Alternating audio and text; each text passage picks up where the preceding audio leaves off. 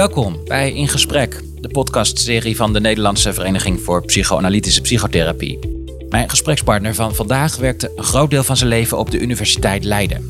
Hij gaf les, hij deed onderzoek, werd psychoanalyticus voor kinderen en volwassenen, organiseerde tal van symposia en redigeerde bijbehorende essaybundels. En hij werd een veelgevraagd spreker, supervisor en docent.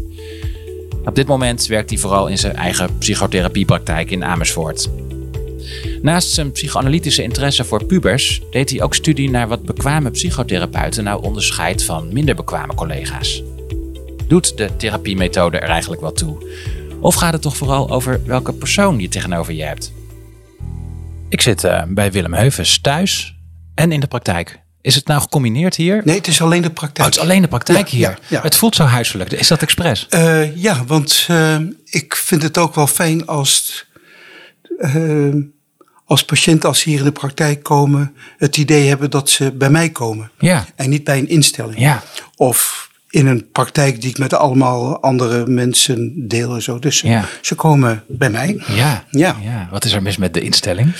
Um, nou, er is met de instellingen natuurlijk een heleboel mis. Maar als het gaat over, over psychotherapie en als het gaat over waarom of psychotherapie werkt, dan uh, is het denk ik, uh, dat, dat komt ook in het onderzoek steeds vaker naar voren, dat het juist de, de kwaliteit van het contact tussen de therapeut en de patiënt, dat dat eigenlijk zo belangrijk is. Daar hoort dus ook de omgeving en bij. daar in hoort de, omgeving bij. Niet alleen maar omdat het dan gezellig is, maar ook omdat je daarmee ook iets communiceert wie je bent als therapeut. En ik denk dat dat een belangrijke positieve factor is in waarom of therapieën werken. Wat, wat denk je dat patiënten hier zien aan wie jij bent als ze hier binnenkomen? Uh, nou, heel vaak uh, zo van, heb je dat allemaal gelezen? Ja, er staat een enorme boekenkast hier. Ja, dus, ja. dus dan ja. zeg ik altijd open van dat dat niet de reden is waarom je boeken koopt om het allemaal te lezen. Maar, uh, dus, maar dus, sommige daarvan heb ik wel goed gelezen. Ja, ja. Ja. ja, dus ze hebben in ieder geval met een lezer te maken en met iemand die toch op zijn minst van piano met, houdt. Ja, en met een, met een piano dat ook geen naam mag hebben. Maar, uh, ja, maar dat, het zijn wel dingen die ik belangrijk vind. ja, ja. Ja, je voert volle praktijk nog? Of ben je. Jazeker. Ik, ik heb je wel eens horen zeggen dat je aan het afbouwen was. Maar... Ja, dat ben ik aan het proberen. Ja. Ja, ik, ik, ik heb nu uh, vier dagen in de week uh, praktijk. Ja. En dat is deels patiëntenzorg en deels in het kader van opleidingen en supervisies. Ja, ik zei in mijn introductie, je bent ook kinderanalyticus. Zie je ja. ook kinderen nog? Ja, nee, ik, ik, ik heb natuurlijk heel lang met pubers gewerkt. Dat heb ik altijd een een enorme ontdekkingsreis gevonden. Vond ik heel erg leuk om dat te, te doen. Maar um, ja, als je eigen kinderen volwassen worden, dan raak je langzaam maar zeker de, een vanzelfsprekende verbinding met die leeftijdsfase kwijt. Dus de pubers van nu zijn denk ik heel anders dan de pubers 30 jaar geleden. En en toen kende ik hun muziek, ik kende hun cultuur, ik kende hun taal. Ja, ja. En uh, je weet wat er speelt, je hoort de verhalen van school te komen. En nu, uh, ja, dan verlies je eigenlijk een beetje dat vanzelfsprekende voeling daarmee. Ja. En uh, dus ben ik mee gestopt. Ook omdat ook door de, de, hele financiering zo complex geworden is, van dat je dat eigenlijk niet goed meer kon communiceren. Ja. Hoe oud was je zelf toen je begon met dit werk? Um, nou, dat, ik ben eigenlijk direct na mijn afstuderen in Utrecht, 1977, ben ik direct naar de universiteit gegaan in Leiden. En daar met, uh, met de taak om onderwijs te geven over psychotherapie. En dat daar op te zetten, en gesprekspraktica op te zetten. En uh, dus toen ben ik eigenlijk zomaar erin geplost. Maar wist je daar iets van, na, nee, nou, na een doctoraal? Eigenlijk niet. Nee, toch? nee. Alhoewel het, het doctoraal programma toen op de universiteit wel heel erg klinisch georiënteerd was. Ah. Onderzoek werd niet gedaan, dat was voor rare mensen. Ah. En uh, dus alle docenten in mijn doctoraalopleiding waren mensen die allemaal psychotherapie deden Ah. en klinici waren. Ah. En je hele doctoraalopleiding was daar ook op, op gericht. Dus uh, terugkijkend, denk ik, voelde ik wel dat ik wel wat kon vertellen en les kon geven en zo. Ik denk dat als ik dat terug zou luisteren, dat ik daar wel wat vraagtekens bij zou hebben. Waar, wat waar ik zou je het, waar zou je het meest voor schamen? Wat herinner je je nog uit die tijd dat je Ehm, vertelde? Nou, ik denk eh, misschien eigenlijk wel terugkijkend de idealisering van de, van de grote namen. Dat, dat waren toch coryfeeën, dat waren helden. Wie, wie waren dat toen? Nou, eens even kijken. eh, Wie, wie waren. Nou, dat waren natuurlijk ook uit de literatuur. Hè? Dus de, ook de, de mensen die je begon te lezen. ehm, dus ook, eh, ook Freud eh, begon je dan eh, te lezen. zo. En Harry Stack Sullivan kan ik me herinneren, want dat was van de, de hoogleraar waarbij, bij wie ik afstudeerde. Die was, Jos Dijkhuis, die was daar een groot fan van. Nou, je, je, je neemt het eigenlijk klakkeloos ook voor waar aan wat erin staat. Van nou, dat zijn de mensen die weten hoe het zit en zo. En, en ik denk dat ik het ook wel een beetje achteraf wel gênant zou vinden. Dat ik net deed of ik het ook allemaal heel goed begreep. Ja, dat moet, ja, je moet een beetje bluffen in het begin. Heb Ja, ik ook wel eens gehoord. Anders, is het niet te doen, dit werk. hè? nee, dat, precies. Nee. En, en eigenlijk, eh, toen, ik ben toen snel, vrij snel aan de analytische opleiding begonnen. Ja. En dat, dat heeft dat nauwelijks verbeterd. Hmm. Dus eh, Toen dacht je nog meer dat je het wist. ja, precies. Dat, dat heeft eigenlijk een beetje averechts eh, gewerkt. En wat, wat, wat mij erg geholpen heeft, is dat ik het op een gegeven moment toch aan de studenten moest gaan uitleggen wat het nou was. Ja. En, en dat je dan niet met onbegrijpelijke citaten weg kon komen. Dus je moest er toch actief iets van gaan begrijpen hoe dat in elkaar zat. En daar heb ik dus eigenlijk van het lesgeven op de universiteit, daar heb ik denk ik wel het meeste geleerd over hoe die theorieën in elkaar zitten. Ja, teaching is learning twice, hè? was het gezegde geloof ik. Geweldige ja. uitspraak, ja. Ja. Je, moet- Ja. je moet het goed snappen om het te kunnen uitleggen. Ja, ja. En dus daar, daar, dat, dat is wel een belangrijke scholing eigenlijk geweest. Je deed dus geen onderzoek aan de universiteit. Het was echt onderwijs in, in klinische aspecten Eh, Ja, van de dat, dat, dat psychotherapie. was het, de, de start. En toen kwam in de. Even kijken, wanneer was dat? Geloof ik in de midden. Ja, in de midden tachtig jaren, begin tachtig jaren, kwam René Dijkstra als hoogleraar. Ja, in Leiden. En moesten we, ja, en moesten we allemaal onderzoek doen. Oh ja.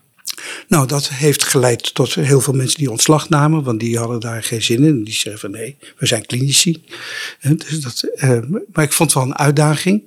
En, ehm, en, dat, en ik wilde graag op de universiteit blijven, want ik heb het daar altijd erg naar mijn zin gehad. Maar dan moest ik wel, ik moest een onderzoek doen en ja, ik had daar eigenlijk, ik heb het nooit onderzoek eh, gedaan, dus ik wist even niet hoe dat moest. Maar dat, René Dijkstra die was daar eh, eh, ruimhartig in. Die zei van nou ja, dat hoeft ook niet per se zo'n hard RCT, empirisch onderzoek zijn. Als je gewoon een, een, een belangrijk vraag goed opschrijft, dan is dat eigenlijk al heel erg mooi. Hij was de, de expert op het gebied van de suïcide en de zelfmoord. En hij zei van wat ik in de verhalen van mensen eh, tegenkom die suicidaal zijn, is dat ze eigenlijk allemaal aan het begin van de puberteit een soort crisis hebben doorgemaakt, die vaak over het hoofd is gezien. En zou dat leuk zijn om daar eens in te duiken en te kijken van of dat eh, boeiend eh, is? Nou, ik heb er wel even slaaploos, nou slaaploos, er wel even over gedubbeld. Denk van, en depressie, daar weet ik helemaal niks van. En pubers. Zelf niet zo'n goede herinnering aan mijn eigen puberteit. Dus ik was eigenlijk blij dat ik dat een beetje achter me heb kunnen laten. of dacht dat achter me gelaten te hebben, zoiets ja, eigenlijk. Ja, ja. Maar dat toch wel gedaan. En toen daarmee aan de slag gegaan. Dat heeft uiteindelijk geleid tot de, tot de promotie. En kon ik op de universiteit blijven. Maar wat ik het leukste gevonden heb, is dat die patiëntengroep voor mij is gaan leven. Dat Ja. is wel heel erg leuk. En Ja, zo ben dat- ik ook in die kinderpsychoanalyse terechtgekomen. ja, een groot deel van je caseload was ook pubers op een gegeven moment. Ja, ja. Ja. dat was ja. En, en spectaculair. ik- dat zal, ja. Ehm, wel, ik, ik moet nu ineens denken, ik heb je ook wel eens horen zeggen dat je je zo verschrikkelijk zat te vervelen, vaak ook met pubers. ja. Dat klinkt dan weer helemaal niet spectaculair. Nee, nee, nee, maar dat is. Nee, want. Kijk, pubers, ja, het is een lastige groep. Want ik, ik, was wel op zoek gegaan naar mensen die daar ervaring mee hadden. of er verstand van hadden om over pubers in therapie te praten en zo. Maar iedereen raadde het me eigenlijk af. Ook eh, mensen even nog terug naar die oude idealisering, waarvan ik echt dacht van nou, dat, die kunnen alles en die weten alles en die eh, zo. Die zeiden van nou, wacht nog maar tot ze 16, 17 zijn en zo, dan gaan ze wel weer praten, want het, 13, het praat niet Nee. hè, van 13. Nee. Dus dat was inderdaad. eh, eh, maar wat ik van die pubers leerde, en dat, dat heeft me wel ook veel goeds eh, gebracht. Van dat die pubers, die praten niet omdat ze zeggen. Ja, de, de volwassenen praten alleen maar tegen ons. En niet met ons. En daar hebben we geen zin in. Daar is zo, zo gementaliseerd werd het niet eh, gezegd, maar daar kwam het eigenlijk op neer. Dus Dus, je dus dat betekent dat je ja, eigenlijk op een hele andere manier Ja, moet ja. je die relatie maken. En, en daar heb ik wel gemerkt van dat pubers een hele goede antennes hebben voor eh, bij wie ze iets van zichzelf willen laten zien. Zij voelen eigenlijk wel goed aan bij wie je iets kan vertellen. En dat geloof ik eh, dat me dat wel geleerd heeft van dat de, de mate van echtheid in die therapeutische relatie het enige is wat bij een puberen ook de echtheid van de therapeut. Hè? Dus gewoon de, de, de manier waarop je daar bent. Als je populair gaat doen of opeens eh, moderne taal gaat eh, gebruiken, zo, dan word je eigenlijk direct afgeschreven bij een puber. Want die vindt dat flauwkul. Maar als je gewoon vertelt en ook op een bepaalde manier eh, jezelf ook laat zien. En dat is toch heel anders dan de techniek zoals ik het geleerd heb in de opleiding. eh, was het, is dat eigenlijk verrassend wat voor een therapeutische relatie je met een puber kan opbouwen. Dat vond ik leuk. Dus het moet oprecht zijn. Moet Het, het moet, je moet er ja. zijn. Je moet er zijn. Ja. En, en de puber moet ook kunnen voelen van dat je ehm, probeert om in hen wereld te stappen. In plaats van wat zij telkens meemaken. Dat zij moeten proberen te doen groter te zijn dan ze eigenlijk eh, zich voelen te zijn. Doe eens een keer verstandig. Ruim je rotje eens een keer op. Mhm. Ja. Zo. Ja. Wat ook best trouwens een hele nuttige opmerking is. Want dat, Ja, eh, ja. Maar dat is dan meer als ouder. Ja. Ja. ja. Wat, wat, wat voor soort persoon moet je als, als therapeut zijn om dat te kunnen? Ja. ehm, nou, dat, dat- dan, dan kom je eigenlijk wel op een heel belangrijk eh, gebied in het, in het vak. Dat, ik, ik heb het altijd eh, wel gek gevonden dat, dat als het gaat over, de, over laten zien dat psychotherapie werkt, dat het onderzoek altijd metho- methodes met elkaar Ja. vergeleken heeft. Cognitief versus TFP, daar was ik toen ook eh, bij betrokken. En dan eh, is het een soort wedstrijd tussen methodes. Maar duidelijk is, ik geloof dat dat de eerste metastudie was van Smith, Klaas en Miller, 1977. Die eindigde met het motto: eh, All have one, everyone gets a prize. Of zo, zo, iets, zo, zo'n soort citaat. En, en dat blijkt ook telkens van dat die verschillen tussen verschillende stromingen veel minder groot zijn dan iedereen eh, hoopt. Vaak, hè. of financiers ook, natuurlijk ook interessant. Maar wat, en dat vond ik wel leuk binnen die onderzoeksproject van de TFP en de cognitieve in de tijd. Dat de verschillen binnen de condities veel groter zijn dan de verschillen tussen de condities. En dat bracht me wel op de gedachte van dat het, het succes wat psychotherapie heeft, want het is natuurlijk een prima investering in de samenleving om psychotherapie eh, eh, eh, te faciliteren. Maar dat het succes van die psychotherapie door een veel kleiner deel wordt gedragen dan iedereen zou denken. Ik las ergens 30 procent. Ja. Dus het- is gek. Het is een beroepsgroep die zichzelf niet onderzoekt. Dat doet trouwens geen enkele beroepsgroepen. Medici en tandartsen doen dat ook niet. Maar de- uit, het, uit het onderzoek komt naar voren van dat, dat ehm, ongeveer 30%, misschien de helft van de psychotherapeuten, ehm, ja, dat, dat die overwegend positieve resultaten boeken met hun patiënten. En dat de andere helft weinig niet of zelfs negatieve resultaten boeken. Ik vind het op, op een of andere manier ook zo intuïtief kloppend. Dat als ik Ja. eh, een van mijn geliefden zou moeten verwijzen voor psychotherapie, dat ik dan vooral denk aan de persoon waar, Ja. waar ik dan zou verwijzen. Precies. Is dat inderdaad een oprecht iemand, eh, betrokken Ja. of een beetje flexibel? Gaan we het straks over hebben, denk ik, wat die eigenschappen daar moeten zijn. maar dan- maar dat, dan- dat, dat weet en, En dan binnen die methodes heb je mensen die daar heel goed of wat minder goed aan voldoen. Volgens je eigen ideeën dan natuurlijk. Ja. Ja. Ja, en, dat, en het, ik, ik geloof dat die intuïtie best betrouwbaar is. En waar komen we op uit? Wat, wat zijn eigenschappen van goede psychotherapeuten?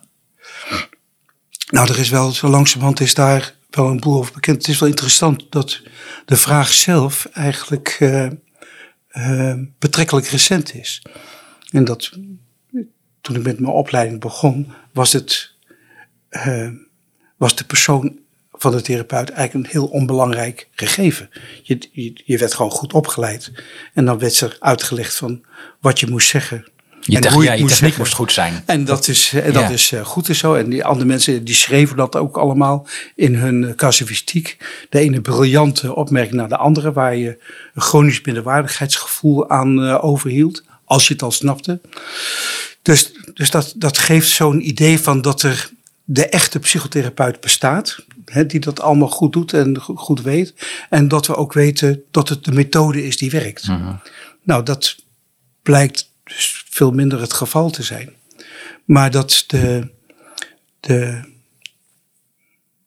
even kijken, waar ging dat? Oh ja, wat nou de eigenschappen Ja. van de goede therapeut Kijk, één noemde je er al toen we het Ja. over pubers hadden. Zei je, Ja. het moet oprecht zijn. Jij moet oprecht zijn. en je ja. moet er zijn. Ja, Ehm je zou denken, dat is ook een goede eigenschap van een psychotherapeut die met volwassenen werkt. ja nee, zeker. Ja, dus Ja. Dat, is ook, dat is ook wel naar voren gekomen. Van dat, dat, dus iemand die ook een relatie kan hanteren. Ja. Maar ook eh, de moeilijkheden in de relatie kan hanteren. Dus eh, dat als er iemand kwaad is of als een patiënt kwaad is, van dat je dat kunt accepteren. En dat je geen wraak neemt. Dat je niet eh, denkt van nou, ik eh, pak je nog wel een keer terug. Mhm. Dus dat, dat is denk ik belangrijk. Ehm, dus een relatiedeskundige zou je kunnen zeggen. Dat is denk ik wel een belangrijke eigenschap van een. eh, Ja. en, dat, en dat is wel een- vrij recent dat dat onderzoek naar voren komt. Van dat het ook iemand is die, die eh, voldoende twijfelt. Wat bedoel je daarmee? Nou, dus iemand die erg zelfverzekerd is. En denkt dat hij het eigenlijk wel weet. Zoals jij in het begin. Ja, hè, dat, dat toch eigenlijk niet de kwaliteiten zijn waar je achteraf als therapeut trots op moet zijn. Dus dat vind ik ook wel. Dat is ook wel leuk wat er uit het onderzoek naar voren komt. Van dat we eigenlijk nog steeds niet weten precies waarom of therapie nou werkt. Ja. Wat, wat het nou doet en zo. En ik geloof, ik vind het wel fijn om, eh, om, om dat dan ook maar niet te weten. ja. Behalve dan misschien toch de persoon van de therapeut. De persoon van de cliënt natuurlijk ook. Dus Ja. misschien hebben we daar de tijd niet voor nu. Maar wellicht is dat voor een andere keer. Maar dat de Ja. persoonlijkheden, de relatie. Ja. Dat staat toch inmiddels wel als een, eh, als een paal Dat, boven dat staat water. als een paal boven water. En dat je als therapeut. ehm, ik, ik vond het wel leuk, uit- ook uit het onderzoek van Wallen. komt eigenlijk wel naar voren dat de veilig gehechte persoon. die ook eh, wat kan in relaties, die ook onzekerheid kan verdragen. dat dat. En die echt is in het contact, daar staat.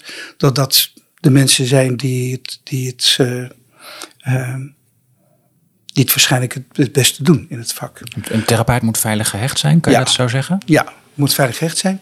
Maar daar zit wel een leuke twist aan. Die dacht ik ook door Wallen kwam. Van dat, ja, als je, stel, je hebt als kind, kom je, word je geboren in een leuk gezin. Je bent misschien ook nog oudste zoon of oudste dochter. En vader en moeder blijven bij elkaar. En er is nooit geen armoede geweest, geen natuurrampen. En je, je bent eh, ster op de hockeyclub en, of op de voetbalclub. En je doet misschien ook nog een beetje judo waar je goed in bent. En dan ga je naar de middelbare school, liefst gymnasium. En je goed, blijft nooit zitten. Nou, dan ben je een heel veilig gehecht kind. Maar ik weet niet of je dan uit het goede hout gesneden bent om psychotherapeut te worden. Dus je moet ook niet te veilig gehecht Nee, zijn. Nou, het moet niet te goed gaan. Wallen, en die maakt wel van, die zegt van de mensen die secundair veilig gehecht zijn. de- misschien is dat het goede hout van de, van de, van de goede psychotherapeut. Ja, moet je even uitleggen wat dat is. Secundair. Nou, dus dat er mensen zijn die in hun leven wel het een en ander hebben meegemaakt. En die in ieder geval, het zij door een leertherapie, maar dat kan natuurlijk ook op een andere manier, een proces hebben doorgemaakt waardoor ze de veilige gehechtheid alsnog hebben weten te verwerven. Ja, en zich ook kunnen identificeren met mensen die onveilig Precies, zijn. die, ken- die kennen beide werelden. Ja, ja. En die, die durven het ook aan om met de patiënt in de onveilige, angstige wereld te stappen. Die deinzen daar niets voor terug, want zij kennen dat. ja. En, En ze weten dat er een eh, weg uit is ook. En ze weten dat er een weg uit is. En dat je, dat vond ik zelf wel aan het einde van een van mijn eh, leertherapieën of een van mijn therapieën. Dat ik eh, zag van, dat- zo van, wat heb je nou aan gehad? En zo, toen dacht ik van, nou, ik ben, ik ben minder bang om bang te zijn. Ja, ja. En dat, dat, dat, daar was ik eigenlijk heel erg blij mee. Dat ik dat eh, aandurfde. En ook durfde te zeggen. Ja. En ik geloof dat dat iets is wat die secundaire veilige gehechtheid eh, oplevert. Dat je dus niet zo eh terugdeinst voor om je om bij de, in, in de buurt te komen van, van patiënten die vreselijke dingen hebben meegemaakt of vreselijke dingen voelen. En dat dat, dat, dat helpt om samen met hen zeg maar, uit die eh, horrorkelder eh, weer eh, naar buiten te kunnen stappen. Dus we hebben een aantal eh, criteria al. Dus Ja. oprecht zijn, aanwezig zijn, Ja. een relatie kunnen hanteren. ehm, en daarin ook niet terugdeinzen voor de, de, de strubbelingen, de chaos, maar ook de pijn en het Ja. trauma en de angst. Ja? Van, vanuit een vermogen Ja. om zowel je te identificeren met onveiligheid als met veiligheid. Ja. Zijn er andere karaktereigenschappen van de therapeut? Ja, dat- wat, ik hoor het je zo samenvatten en dan schiet mij te binnen. En dat eh, vind ik leuk, want dat, dat heb ik zo van Anton Berghouwer geleerd. Die, waar ik in het begin, eh, jaren terug, veel onderwijs samen mee gegeven heb. Hij heeft over de setting veel geschreven en daar onderzoek naar gedaan. En wat hij zo goed duidelijk kon maken was van dat de, de setting een mentale ruimte is die je creëert. En een soort ontvankelijkheid, maar ook een soort actieve passiviteit. Waarin het mogelijk is dat de patiënt naar jou toe komt. Dat hij zeg maar, in die ruimte, in die veilige intermediaire ruimte, zichzelf kan laten zien en zich daar veilig in voelt. Dat vond ik eh, eigenlijk zo fundamenteel voor psychotherapie. Van dat je dat kunt bieden aan de patiënt. Dat, eh, daar heb ik heel veel van geleerd. Ik geloof dat dat een hele belangrijke eigenschap is. Dat je dus niet probeert om de patiënt te veranderen. Maar eh, om hem in al zijn kleurrijkheid zo goed mogelijk uit de verf te laten Is het een, een houdingskwestie of zijn er Ja, specifieke dingen een- die je kan Ik denk doen? dat dat een mentale kwestie is. Ja, in plaats van, nou, gewoon je mond houden. Dat is denk ik al, eh, dat helpt al enorm. ja. Ja. En, ehm, ja, en, ja, en, en ook eigenlijk niet van tevoren eh, proberen te bedenken wat belangrijk is of onbelangrijk is. Maar dat je die, ja, zekere afwachtendheid eh, hebt, die, eh, die je ook in de relatie daardoor, dan kan er ook iets gebeuren in de relatie wat bijzonder is. Ja, ontvankelijk zijn Ja. voor alles wat er komt. Ja, ja. Hoort het, ik geloof dat Bion daar ook een keer over schreef, dat snapte ik toen, over die, eh, de negative capability. Ah. Dus eh, je proberen te engageren met datgene wat de patiënt brengt, zonder het direct te willen snappen. Ja, ja. Zoals je een gedicht ook leest. ja. En naar muziek luistert. En zoals je naar muziek luistert, inderdaad. Ja. Precies, daar, daar zit denk ik wel een belangrijke overeenkomst in. Ja. Nou, dus dat, dat, vond ik, het- dat vind ik dus ook een belangrijke eigenschap van. eh, kijk, het hangt ook wel een beetje af wat voor therapie je doet. Ik geloof dat als je eh, zeg maar een directieve, meer gedragsmatige psychotherapie doet, dan is dat alleen maar een hinderlijke eigenschap. Ja, ja. Want dan moet je juist wel actief zijn, een Ja. programma maken, oefenen met de patiënt. ja, dus daar zit dan toch een verschil in. Ja, Toch wel ook. ja, dat, ja, ja. Dat is, daar zit wel een verschil. Maar in, in onze psychoanalytische psychotherapie geloof ik dat dat wel een hele belangrijke eigenschap is van dat je, dat je die terughoudendheid kan koesteren. Je zou nog kunnen zeggen dat dit wel aan te leren is. Of moet er al iets bij geboorte aanwezig zijn om hier gebruik van te kunnen maken als therapeut? Geen idee. Dat is Ja. een interessante vraag of er daar een gen voor is. Ja. En, eh, ja. Je, hebt, ik, ik geef ook onderwijs. Je hebt nog eh, veel meer jaren onderwijservaring. Dus je zal het herkennen dat sommige mensen nauwelijks iets weten. Die doen een rollenspel en die hebben het al helemaal in zich. ja. Die hebben een, een houding, een manier van kijken, een manier van luisteren. Dat ik denk, ik zou iedereen naar je kunnen verwijzen. Ja. Want het zit er al. Ja, dat, nee, dat, dat ben En die hebben geen idee wat ze aan het doen zijn. Dat ik Dus- je. En dat zie je bij, bij studenten die dan voor het eerst een gesprekstraining doen. En dan zie je welke mensen het in de vingers hebben. en. Maar dat, is ook wel leuk dat, dat dat je dat noemt. Want ook uit het onderzoek naar eh, opleidingen van therapeuten zie je ook van dat de, de mensen die het niet in de vingers hebben, ook met een lange opleiding en een lange leertherapie, het ook niet in de vingers gaan krijgen. Hmm. En of dat een, een aspect is van de veiligheidsconstellatie, dat, dat, dat zou ik niet durven zeggen. Mhm. Maar ehm, je ziet ook dat de mensen die aan een opleiding beginnen en het in de vingers hebben, eigenlijk niet zoveel opleiding nodig hebben om het werk ook goed te kunnen doen. Mhm. Dat is Ja, dan is er nog een tussengroep waarschijnlijk van mensen die nog wel heel veel kunnen leren. En het Ja. dan op die manier Ja. zich eh, kunnen eigen maken. Ja, ja, zeker. ja. Ja, zeker. Hebben we, kijk, hebben we ze gehad? Eh, de ontvankelijkheid, het oprechte, de ruimte die je maakt. ehm, de, de, de, het, het, het op een veilige manier kunnen hanteren van een relatie. Ja.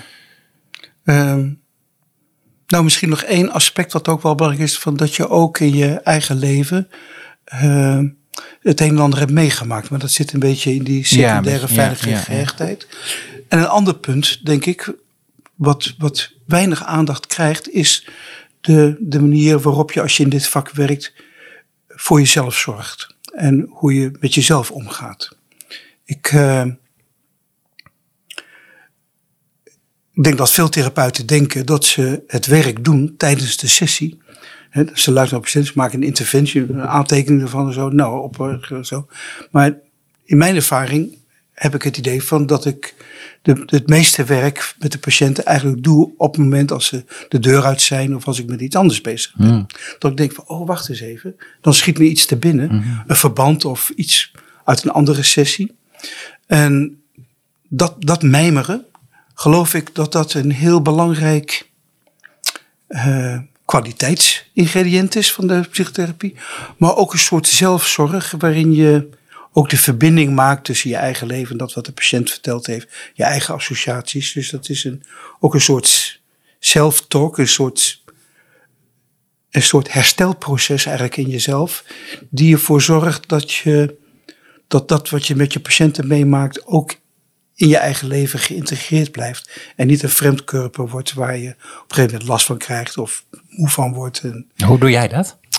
Ehm, ja, ik, ik, eh, koken is een hobby van mij. En dus ik heb, eh, ik, ik leg dat ook wel eens uit in cursussen. Dus mijn risotto momenten. Risotto is zo'n gerecht waar je bij moet blijven. Maar daar kan je ook niks anders mee doen, want dan brandt het aan of het mislukt. Dus daar moet je in blijven roeren. En nou, dat zijn belangrijke momenten. Maar natuurlijk niet alleen maar risotto eten en zo. En, eh, maar je hebt dat ook met het wandelen, met, eh, met eh, op de fiets. En met het luisteren naar muziek is denk ik ook een heel belangrijk mentale activiteit, waardoor je. Ik vind het fijn om bij, bij muziek, als het ware, mijn gedachten ook zo te laten gaan. Ik zit niet naar de noten te luisteren. Nee, doet die dirigent dat wel goed. Nee, maar je, je zet jezelf in een reverie-mode, modus. En ik denk dat dat een heel belangrijk eh, aspect is om het werk goed te kunnen doen. Dus als je, dus als je je werk. Er zijn mensen die natuurlijk prat op gaan dat ze tien patiënten op een dag eh, kunnen zien. Ja, dan denk ik van dat je dat werk niet zo lang volhoudt ook. Hmm. Dus je moet op een bepaalde manier je eigen mentale vertering eh, wel coachen. Ik denk dat het belangrijk is. Ja, ja, ja. En soms helpt schrijven erover ook wel. Want dan, Ja. dat is ook een activiteit die, eh, waardoor je dingen in jezelf weer in elkaar zet of recht zet of helder maakt. Ja, ja, ja. Nee, ik, ik, op een of andere manier hoorde ik een stem die zei, ja, maar dan ben je dus nooit vrij. Maar ik denk, dat bedoel je natuurlijk ook niet. Want het Nee, is, het is, je juist bent wel. ook- ja, Je, bent juist vrij. juist want vrij. Maar, je bent, eh, maar het voedt ook je werk. ja, ja, dat is, eh, ja, dat, dat is, ja, zeker. Er zijn ook wel momenten dat je niet mijmert natuurlijk. En zo. Ja, ja. maar Ja. nee, maar dat hoort er wel, dat hoort erbij. En Ja. dat, eh, ik vind dat een belangrijk eh Goed moment. voor jezelf zorgen. Ja. Veel mensen zien, is dat belangrijk? Dat je een sociaal actief mens bent? Ja, ook, ja, vind ik ook. Ja, je moet, je, een, je moet een leuk, levendig eh, bestaan met veel Ik mensen sprak zien. Kobi Groenendijk hè, een maand Ja. geleden voor de podcast. Oh ja, Zij zei, ja. we moeten ook uitkijken dat we ook als, als psychotherapeut niet in een bubbel komen en alleen maar met psychotherapeuten Nee, omgaan nee, die precies. hoog opgeleid zijn en boeken Ja. lezen en naar de opera gaan. Maar- Ja. Nou, die opera is helemaal niet zo gek hoor. Dus dat is. eh, maar eh, nee, nee dat, maar aan, aan wat voor dingen denk jij dan? Die heel, Eh, Met, ook met mensen omgaan die heel anders zijn dan je Ja. zelf bent. Die hele andere hobby's hebben, andere interesses hebben. Misschien ja, zelfs politiek anders denken en Oh, stemmen. ja, ja, eh, andere culturele achtergrond hebben. ja, ja. Nee, dat ik geloof dat dat de veelkleurigheid van je eigen bestaan een belangrijk, ook een belangrijke relativering is van wat je in je praktijk eh, hoort en meemaakt. Zeker. Moet een goede psychotherapeut eigenlijk een, een leuk en aardig mens zijn ook in, in die vrije tijd? Moet het een, een sympathiek persoon zijn? Ja, ik, ja, maak je zo'n onderscheid tussen je vrije tijd en. eh, ik, ik, ik geloof wel dat dat helpt als je een aardig eh, mens bent. Ja, ik denk wel dat dat helpt. En, maar ook. soms is een aardig mens ook iemand die een conflict niet aan durft te gaan. En dan is de aardigheid meer een conflictvermijdend iemand. En, Ja. en, en dat is wel weer jammer. Ja. Want ik denk dat een therapeut ook, eh, ehm, ook juist het, het conflict aandurft te gaan. Niet alleen met de patiënten, maar ook, gewoon- ook gewoon in het dagelijks leven. Dus je moet zeg maar die, die, de moeilijke kanten van relaties en de moeilijke kanten van het leven. Ja, die moet je eigenlijk ook constant eh, meemaken. Want dat is, je, dat is ook je gereedschap eh, in het werk met patiënten. Ze moeten ook af en toe flink schuren in je dagelijks leven. Ja, toch? Dus, eh, dat, dus, eh, ja, en, en als je dat dagelijks leven gewoon met een beetje enthousiasme leeft, dan gaat dat vanzelf. Dus je hoeft niet extra je best voor te doen. Ja, dat is natuurlijk ook eh, eh, interessant als je aan, heb ik ook al eens ergens gelezen, aan psychotherapeuten vraagt of ze zelf van zichzelf denken dat ze goed zijn. Dan heb je ook weer categorieën. Mensen die denken dat ze heel goed zijn, Ja. die blijken niet zo goed te zijn. Ja. Mensen die denken dat ze wel het al aardig doen, maar toch ook nog een hoop moeten leren Ja. en vaak er wat naast zitten, die blijken heel goed te zijn. Ja. En mensen die zichzelf enorme prutsers vinden en zichzelf niet goed vinden, en die zijn inderdaad vaak Die ook zijn niet vaak, goed. eh, ja, dat, ja, Ja. dat ook. Ja, Ja. Dat, dat klopt. Ik denk dat mensen die echt eh, geen, geen succes hebben in hun werk, dat ook eigenlijk wel eh, weten. Maar uit het onderzoek komt dat ook wel naar voren. Dat de, dus de therapeuten die sterk van zichzelf overtuigd zijn, dat dat meer een verhaal is dan een realiteit. Ja. En dat is de onzekerheid. En, en ook, laat ik zeggen, van dat, het is natuurlijk ook niet zo gek. Het zou gek zijn dat je met heel veel zelfvertrouwen, of met een bepaald soort van zelfvertrouwen, is het wel fijn dat je weet, oké, ik ga iets heel spannends beginnen. Komt een nieuwe patiënt komt er binnen. Je hebt geen idee wat je te wachten staat. Er wordt wel iets van je verwacht. Wat je te bieden hebt, is meestal niet wat de patiënt denkt dat je dus, dus dat is een hele spannende situatie. Nou, waarin je, denk ik, ook de, je, je eigen onzekerheid daarin en het angstige daarvan ook zorgt dat je alert bent en dat je sensitief bent. Niet op je gemak. En dat is, dat hoeft de patiënt niet te weten, maar het is wel eigenlijk een voorwaarde om, eh, om die therapeutische relatie te kunnen starten. Ja, ja. Dus dat is. eh, Het is een ongelooflijk ongemakkelijk eh, gevoel hè? Het- om het echt niet te snappen. Ja. Het klinkt zo makkelijk als je het zegt. nee, maar dat- echt geen idee te hebben waar gaat dit over? Wat, waarom is iemand nu zo verdrietig? Ik voel het niet, ik snap het, ik kan het niet verbinden met iets.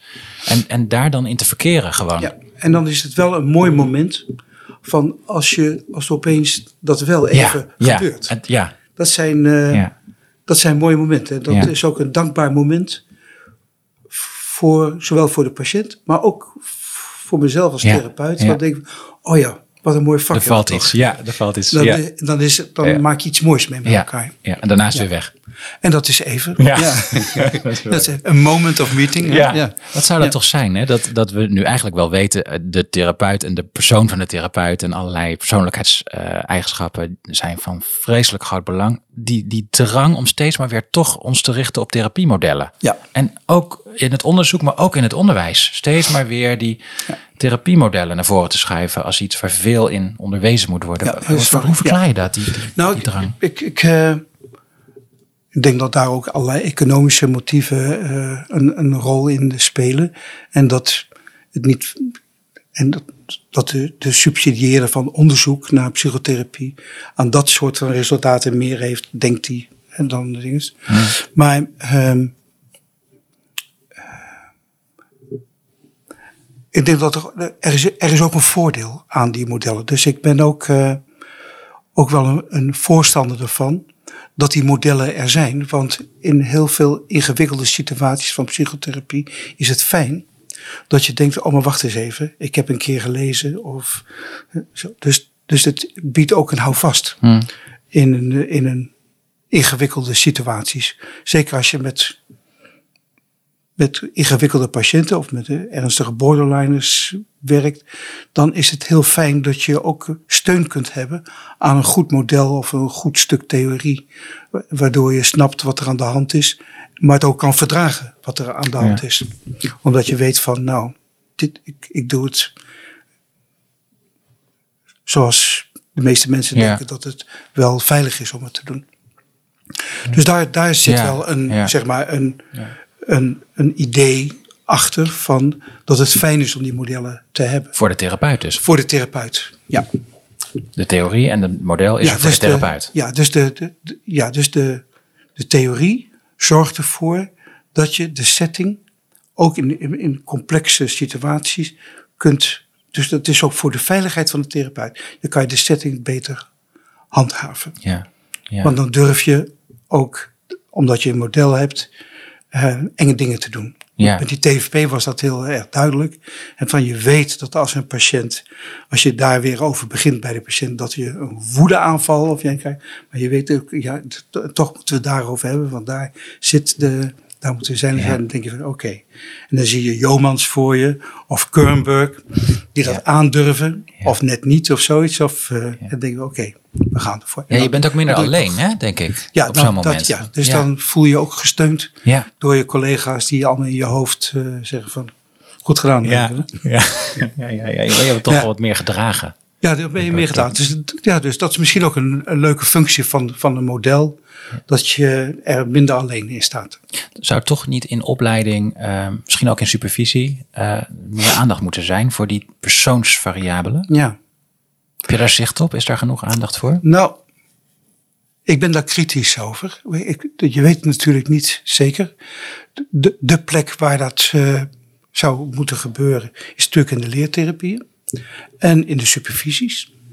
En, ehm, maar in de, in de leertherapieën geldt misschien, dat is wel een beetje een, misschien een pijnlijke opmerking, maar dat geldt eigenlijk hetzelfde wat voor heel veel psychotherapie geldt. Van dat ook eigenlijk de helft van die leertherapieën toch niet opbrengen voor de, voor de patiënt dan je zou hopen. Dus heel veel leertherapieën, of flink aantal leertherapieën, helpen eigenlijk de, de aspirant psychotherapeut eh, niet goed om, eh, om zich in dat vak neer te zetten. Voor supervisies denk ik eh, dat, dat het wel mooi is, dat ook binnen de NVPP, van dat er veel aandacht wordt besteed aan het opleiden van supervisoren. En dat de supervisoren goed nadenken over hoe ze ook die processen juist op een, eh, op een zorgvuldige manier kunnen bewerkstelligen. Zonder dat het een therapie wordt. Ja. Want het, dat is ook weer niet eh, de bedoeling. Dus dat is ook wel een, een uitdaging voor de supervisoren om daar dat persoonlijke element er wel in aan te brengen, zonder dat het een therapie wordt. Maar, en dan denk ik, en dat komt ook wel uit het onderzoek naar voren, dat dat, dat de supervisies zijn die uiteindelijk ook het meest bijdragen aan de competentie van de therapeuten. Als je dus persoonsgericht is Ja. en op de ontwikkeling van vaardigheden en de manier waarop je de setting hanteert. Ja. eh, mensen die dit horen en in leertherapie zijn zelf en het gevoel hebben van ik heb er eigenlijk niet, ik ben nu twee jaar bezig, maar Ja. het voelt niet goed, maar ik, wat moet ik nou? Ja. Je gaat ook niet zo makkelijk weg. Nee, natuurlijk Het is ook niet. niet allemaal slecht natuurlijk. nee, dus, nee, dus nee, wat- wat doe je dan? Wat, wat, heb je advies? Ik, eh, ja, ik, ik moet er even over nadenken Ja. en zo. Dan moet ik even een slokje Slok water. water, ja. Nou, maar ook, ook de andere kant. Er zijn natuurlijk ook heel veel mensen die eh, de opleiding doen, maar in leertherapie proberen te ontwijken. Hm. Dus eh, heel veel mensen aan de opleiding, of veel mensen, ik weet niet, ik heb, nooit, ik heb ze nooit geteld natuurlijk. Maar dat als je ze vraagt van, goh, maar zou je ook in therapie gegaan zijn als, het, als je dit vak niet gekozen zou hebben? Nou, als het gaat over de psychotherapie mensen, daar heb ik het niet over de specialistische opleiding, maar over de psychotherapie mensen, dan denk ik de helft. Mhm. Zou eigenlijk zelf niet eh, Mhm. aan een therapie eh, beginnen. Dus die, en een deel daarvan, dat is wel leuk, dan merk je van dat ze toch gepakt worden door het proces en, en, nou, en dan eh, zeggen ze eigenlijk van gek eigenlijk dat ik nog nooit eerder van mijn leven in therapie ben geweest. Ja. Had ik tien jaar geleden maar, zo, hè, dat Ja. soort dingen. Dus dat is heel erg leuk om dat mee te maken. Eh, maar er zijn er ook die, eh, denk ik, en sommige leertherapeuten daar ook eigenlijk actief in meedoen. Van nou ja, het is een verplichting die je moet doen en zo. Kom, laten we maar een beetje eh, elkaar niet te moeilijk maken. Ik hoorde zelfs iemand die had ervaring met een, dat was heel lang geleden, het was ook niet in Nederland, met een, een senior, was op de universiteit geloof ik. Een- Ergens een verhaal van een Amerikaanse collega die vroeg aan eh, de promotor, hoe zit dat eigenlijk met therapie in de opleiding? Want ik wil in opleiding, een analytische opleiding, moet ik dan ook zelf in analyse? En toen zei hij, ja, alleen als je een DSM-diagnose hebt, anders hoeft het niet. dus Ja. er is in, en, en dat doet me ook denken aan, aan sommige collega's die het niet durven te zeggen tegen andere collega's dat ze zelf in therapie zijn. Ja. Totdat het moet en dan kunnen ze zeggen, ja, het is leertherapie. Ja. Maar bij de GZ-psychologen bijvoorbeeld is het niet verplicht. Ja. Nou, ik heb er heel wat gezien in therapie. Ja. En die durven niet tegen een collega te zeggen dat ze bij me komen. Ja. Om Nee, zichzelf eh, te ontdekken ja, en blinde ja, vlekken te kennen. Allemaal fantastisch zou je zeggen. Maar er is een soort, soort gêne. Daar is een soort, nog steeds. gêne, Hè? een soort uh, gêne en schaamte is daarvoor. voor. Terwijl eigenlijk denk ik van als je dit vak een beetje goed wilt doen. Nou, ik zou niet zeggen dat je continu in therapie zou moeten zijn. Maar dat je met één leertherapie Ja. het eigenlijk toch niet te redt. Nee. Ik weet al dat ik me schaamde omdat ik bang was dat ik te kort in analyse was geweest in, Oh ja. in onze kringen. En dat is wel goed. Oh ja, ja. Daar is weer misschien dat andere uiterste. Ja, dat is, dat is ook een, eh, een interessant fenomeen. Ja, dat is een interessant fenomeen. Ja. En hoe is het met de selectiegesprekken? Let jij erop als je eh, mensen ontvangt die de opleiding willen gaan doen? Nou, die krijgen selectiegesprekken. Ja. Eh, let jij op wat voor persoon het is? Ehm, ja, ja dus, eh, maar eigenlijk een beetje zo zoals we over de persoon van de therapeut eh, gepraat hebben. Is het iemand die kan nadenken? Is die een beetje soepel in het contact?